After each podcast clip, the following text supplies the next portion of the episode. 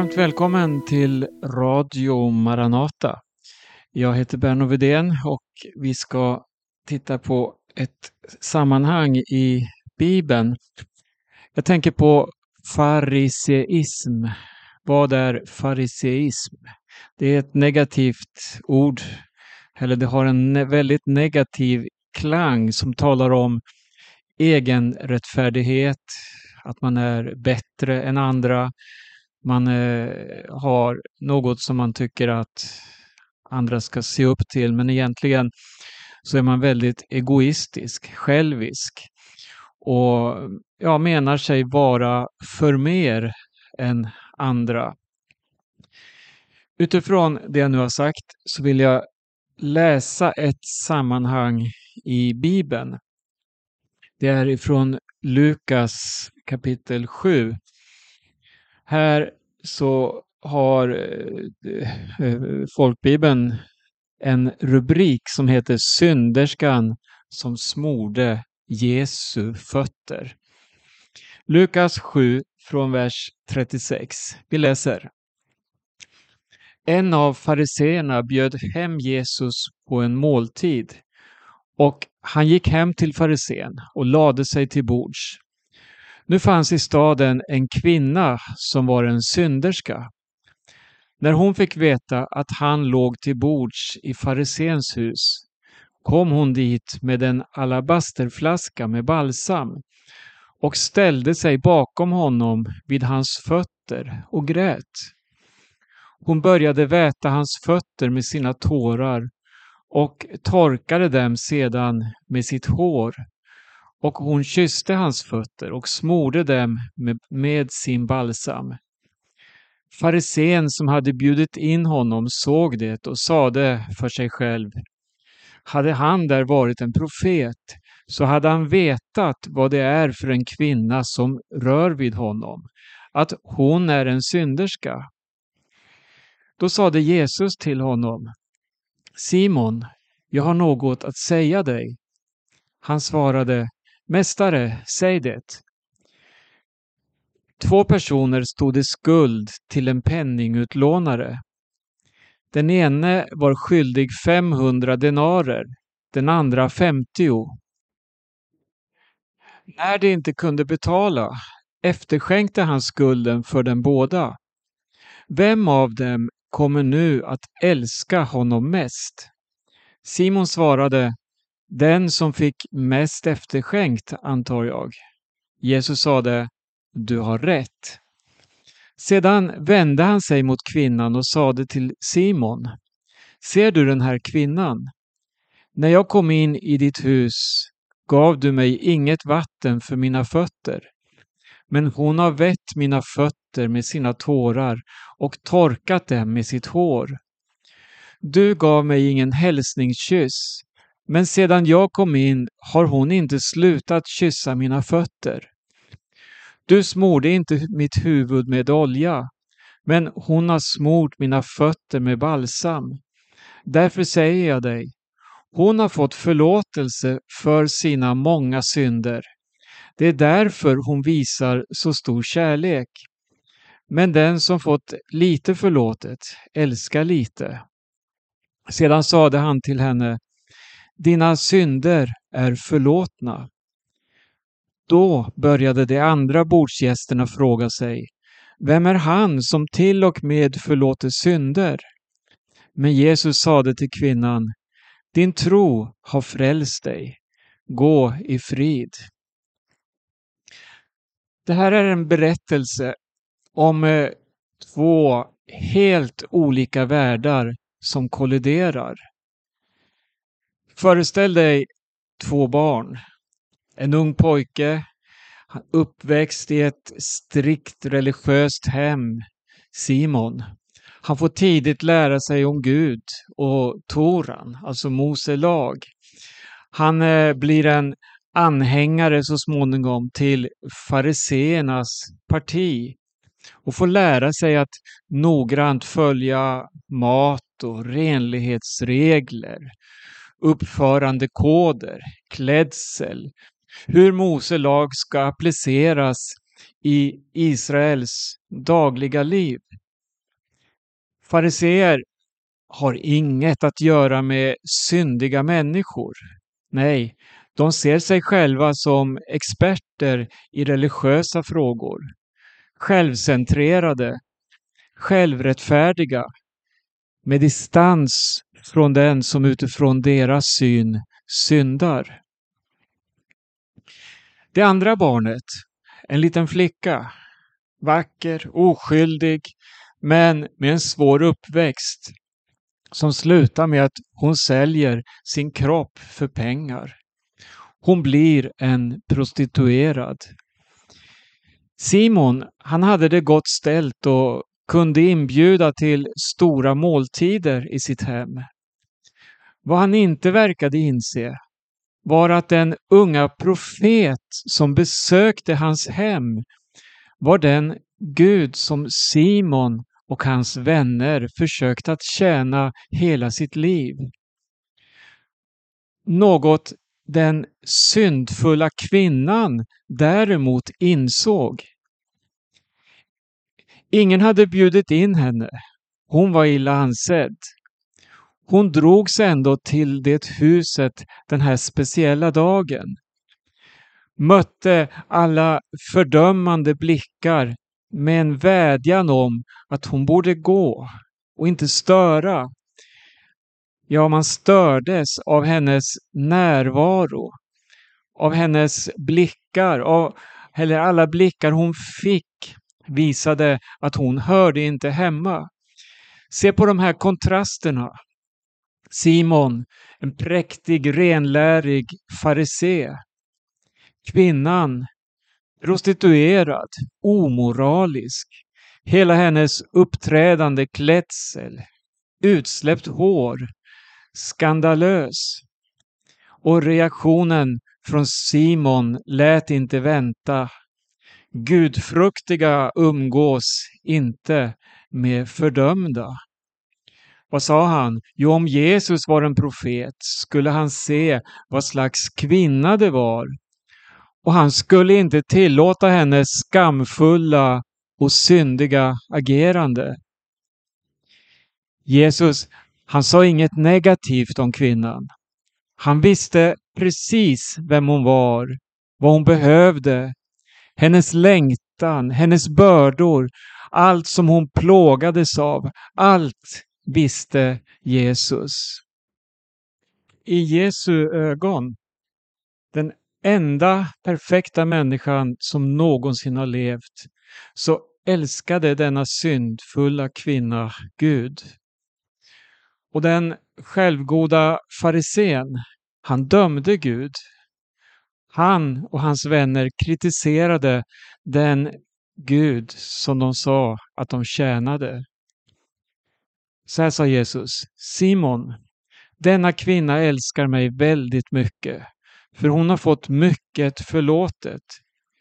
Men du älskar mig lite för att du menar dig stå över behovet av förlåtelse. I Paulus första brev till Timoteus 1 och 15 så skriver han så här. Det är ett ord att lita på och värt att tas emot av alla. Att Kristus Jesus kom till världen för att frälsa syndare. Och bland dem är jag den störste. Så skrev Paulus. Rakt igenom evangelierna så presenteras Jesus som syndares vän och försvarare. Han välkomnade tullindrivare, tjuvar, prostituerade och andra så kallade dåliga människor till sitt rike. Man kan säga att han bröt mot eh, sociala koder och regler för att nå de som var marginaliserade. Vi kan se exempelvis eh, på det kulturella planet hur Jesus han eh, vände sig till en officer, en hednisk officer. Och det står så här i Lukas 7, då, samma kapitel, från första versen. När Jesus hade hållit hela sitt tal till folket gick han in i Kapernaum. En officer där hade en tjänare som han satte stort värde på. Tjänaren var sjuk och låg för döden. Då officeren fick höra talas om Jesus skickade han några av judarnas äldste till honom och bad honom att komma och bota hans tjänare. De kom till Jesus och bad honom ivrigt. Han är värd att du gör detta för honom. Han älskar vårt folk och det är han som har byggt synagogan åt oss. Jesus gick med dem. Han var nästan framme vid huset då officeren skickade några vänner och lät hälsa honom. Herre, gör dig inte besvär, jag är inte värd att du går in under mitt tak. Därför ansåg jag mig inte heller värd att komma till dig, men säg ett ord så blir min tjänare frisk. Jag är själv en man som står under andras befäl och jag har soldater under mig. När jag säger till en, gå, så går han, och till en annan, kom, så kommer han, och till min tjänare, gör det, så gör han det.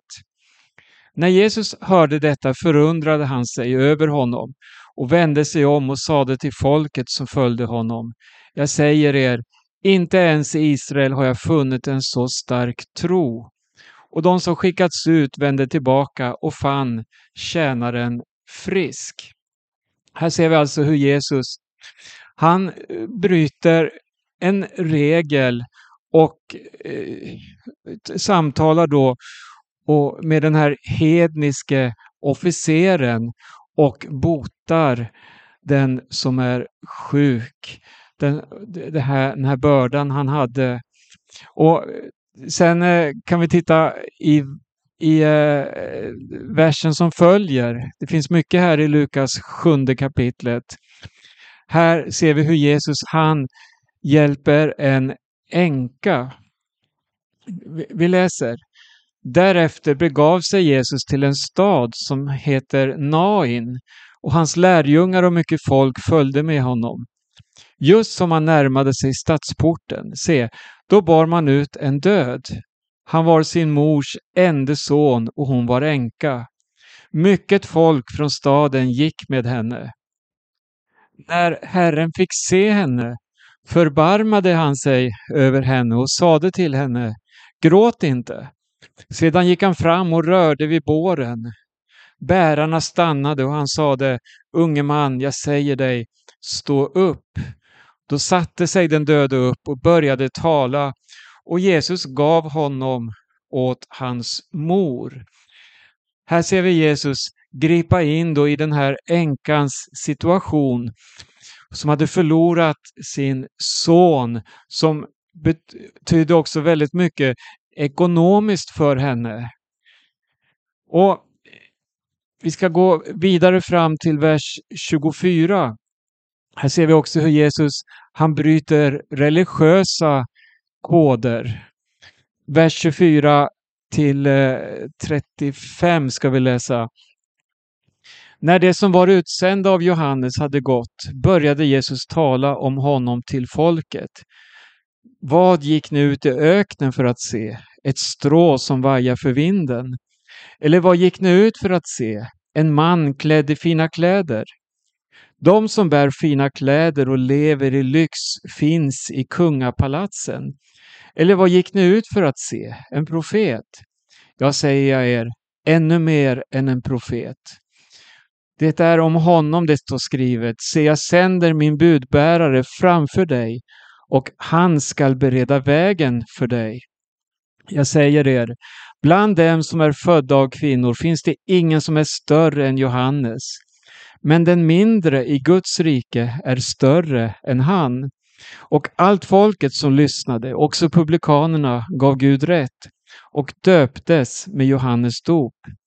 Men fariseerna och de laglärde förkastade Guds plan för dem och lät inte döpa sig av honom. Vad skall jag då likna människorna i detta släkte vid? Vad liknar det? Det liknar barn som sitter på torget och ropar till varandra. Vi har spelat flöjt för er och ni har inte dansat. Vi har sjungit sorgesånger och ni har inte gråtit. Johannes döparen kom och han äter inte bröd och dricker inte vin och ni säger han har en ond, ond ande. Människosonen kom och han äter och dricker och ni säger Se vilken frossare och drinkare, en vän till publikaner och syndare. Så har visheten fått rätt av alla sina barn.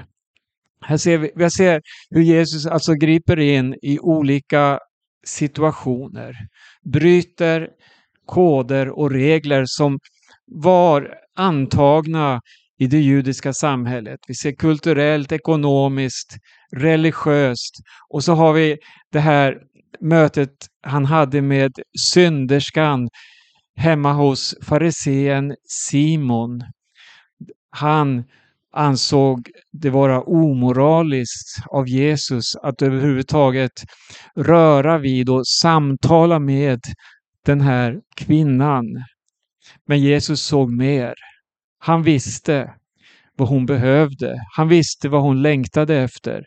Och han visste, hon älskar Gud. Vi har våra modeller. Vi har våra föreställningar. Eh, det här, Herre, har hon bett om förlåtelse? Är det säkert att hon har gjort bättring? Har hon omvänt sig? Vi borde kanske förhöra henne och se om hon passar in. Om vi kan godkänna hennes eh, steg här nu då att närma sig Jesus. Nej, jag hörde ingenting av det här. Det finns inget av det här i texten. Hon har inte sagt att hon var ångerfull eller någonting av detta, utan hon kom till Jesus. Och öste ut sin kärlek över Jesus på det sätt som hon fann vara bäst. Sådana här ord som det, det här att eh, ifrågasätta då, har hon bett om förlåtelse? Är det säkert att hon har gjort, hon har gjort bättring, omvänt sig? Eller ska vi förhöra henne? de kan bara komma från den som är intagen av just den här fördömande anden, det här fariseiska. Hör vad Jesus säger. Han avslutar med att säga till kvinnan, dina synder är förlåtna. Och så säger han, gå i frid. Hon fick ett så komplett bönesvar i mötet med Jesus. Hennes börda, hennes tyngd, det försvann. Jesus tog bort plågan ifrån henne och hon kunde gå i frid. En helt ny utgångspunkt för att möta sina dagliga problem blev hennes eh, nystart, eller vad vi säger, Jesus han återgav henne ett sant människovärde. Du är älskad. Och vad gjorde hon? Hon besvarade denna utgivande kärlek ifrån Jesus. Till Jesus får vi komma precis sådana vi är och så får vi veta att han tar emot oss. Han ser oss var och en utifrån våra förutsättningar. Och han ser våra hjärtan, vår inställning och han är den ende som kan ge oss full tillfredsställelse i vårt inre. Han ser ingen åtskillnad, alltså han gör ingen åtskillnad mellan hög och låg, mellan rik och fattig, mellan man och kvinna och så vidare. Utan han säger Kom till mig, alla som hungrar, alla som törstar. Kom till mig och ni som arbetar och ni ska få ro. Det finns så många eh, inbjudningar från Jesus som vi kan läsa om i olika sammanhang där han går fram och möter människor. Ibland talar han med hårda ord för att tillrättavisa de som är fördömande. Andra gånger talar han med milda ord för att resa upp de som är tyngda av tunga bördor. Men inför Jesus är vi ändå likadana. Vi får komma med samma förutsättningar till honom. Och det, det finns en bibelvers jag vill läsa här också i Hebreerbrevet 2. Hebreerbrevet 2 och så står det så här i vers 11. Jesus som helgar och det som helgas är alla av samma släkt. Därför blygs han inte för att kalla dem bröder. Här ser vi Jesus, han är vår broder. Och alla som helgas, det är ju alla som kommer till Jesus och låter sig renas genom hans blod. Alla som tror på honom, alla som i sitt hjärta tar emot honom och låter honom få bli Herre i sina liv. Det är vi som helgas. Vi är helgade i Jesus, inte utifrån vad vi själva förmår och inte förmår. Vi är så olika, vi kommer från så många olika kulturer och traditioner. Tänk att få lägga allt det här åt sidan och säga ja till Jesus. Vi har samma far som Jesus. Han är vår bror. Och på det sättet får vi också se på varandra. Han dog för oss. Han gav sitt liv för oss. Han dog för min eh, nästa. Han dog för min fiende. Han dog för dem som jag inte känner och han dog för dem som är fyllda med hat. Han dog för var och en. Och det, är så oerhört stort med evangelium. För det finns ingen annan makt i tiden som kan bryta sönder eh, det här hatet som vi kan bära på. Ondskans makt. Det är bara Jesus. När han kommer. Och jag här vill jag ta ett exempel i eh, en av Bibelns eh, stora gestalter. Paulus som har gett oss så mycket undervisning i Nya Testamentet. Vi har alla hans 13 brev. Vi har hans gärningar i Apostlagärningarna. Vi kan följa honom och se eh, till vilken välsignelse han var. Men kom ihåg vem han var innan sin omvändelse. Och vad betyder det? Det var innan han lärde känna Jesus. Innan han kapitulerade. Innan Jesus kom med sin utsträckta hand till honom på ett väldigt dramatiskt sätt. Men ändå, han kom till honom och visade Jag är den som du förföljer. Så sa Jesus till Saulus som han då hette. Vad gjorde Saulus? Han åkte till översteprästen. Han åkte och skaffade sig fullmakt för att förfölja och fängsla Jesu lärjungar. Han visste inom sig att det här var den rätta vägen fram till en punkt. Det var då hans föreställningar rasade. Det var då han förstod att han gick inte Guds ärende, den Gud han menade sig tjäna. Nej, han agerade som en Guds fiende och han förföljde Guds egen son och hans bröder och systrar. Han fick möta Jesus på vägen till Damaskus. Det blev en ny start för honom. Från det ögonblicket så var Paulus en ny människa.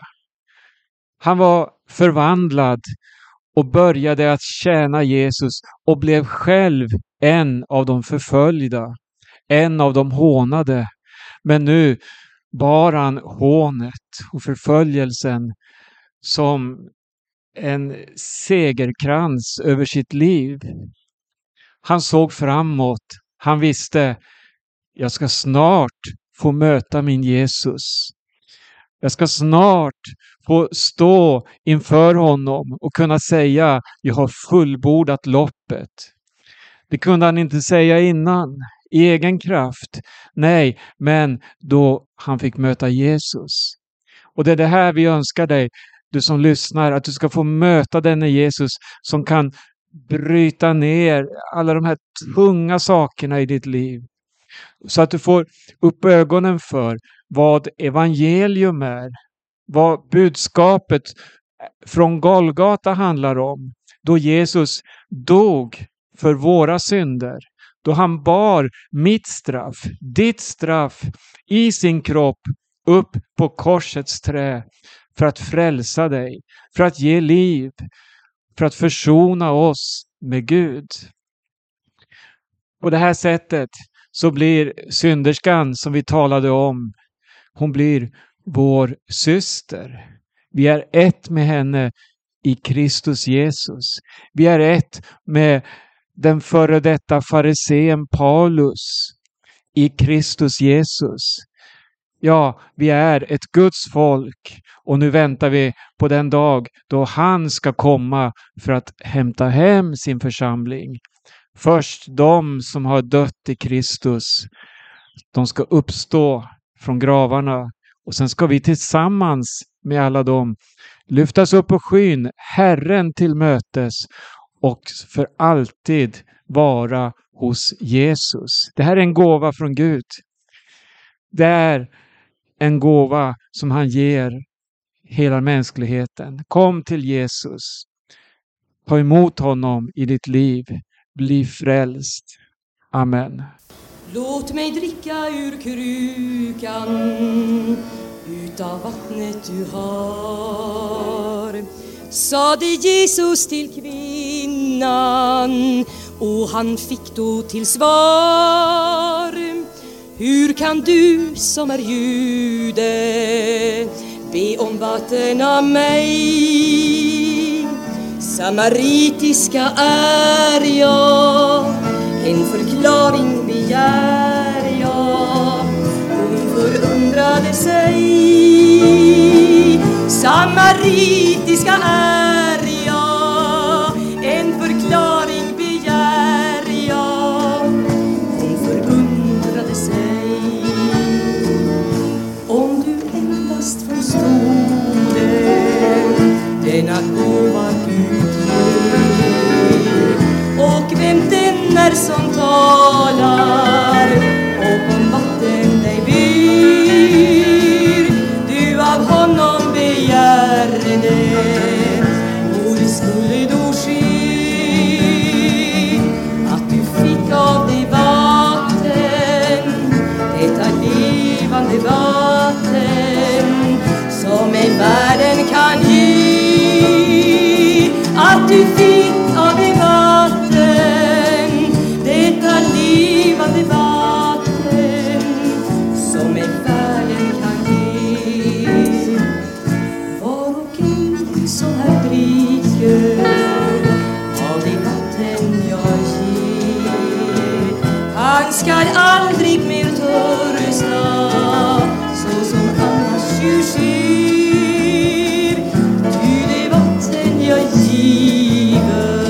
good.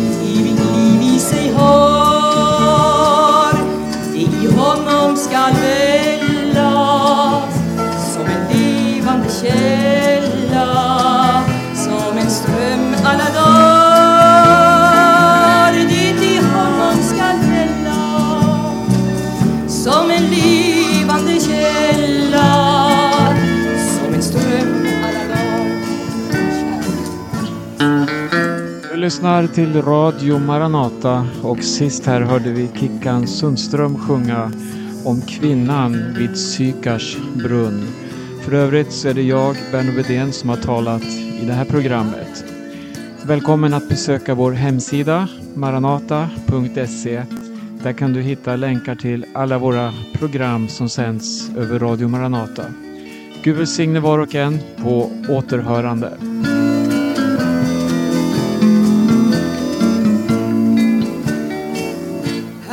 Skimmer giv mig det vattnet att min törst har slut så jag slipper att ha det som jag haft det förut. Denna kvinna blir bönhörd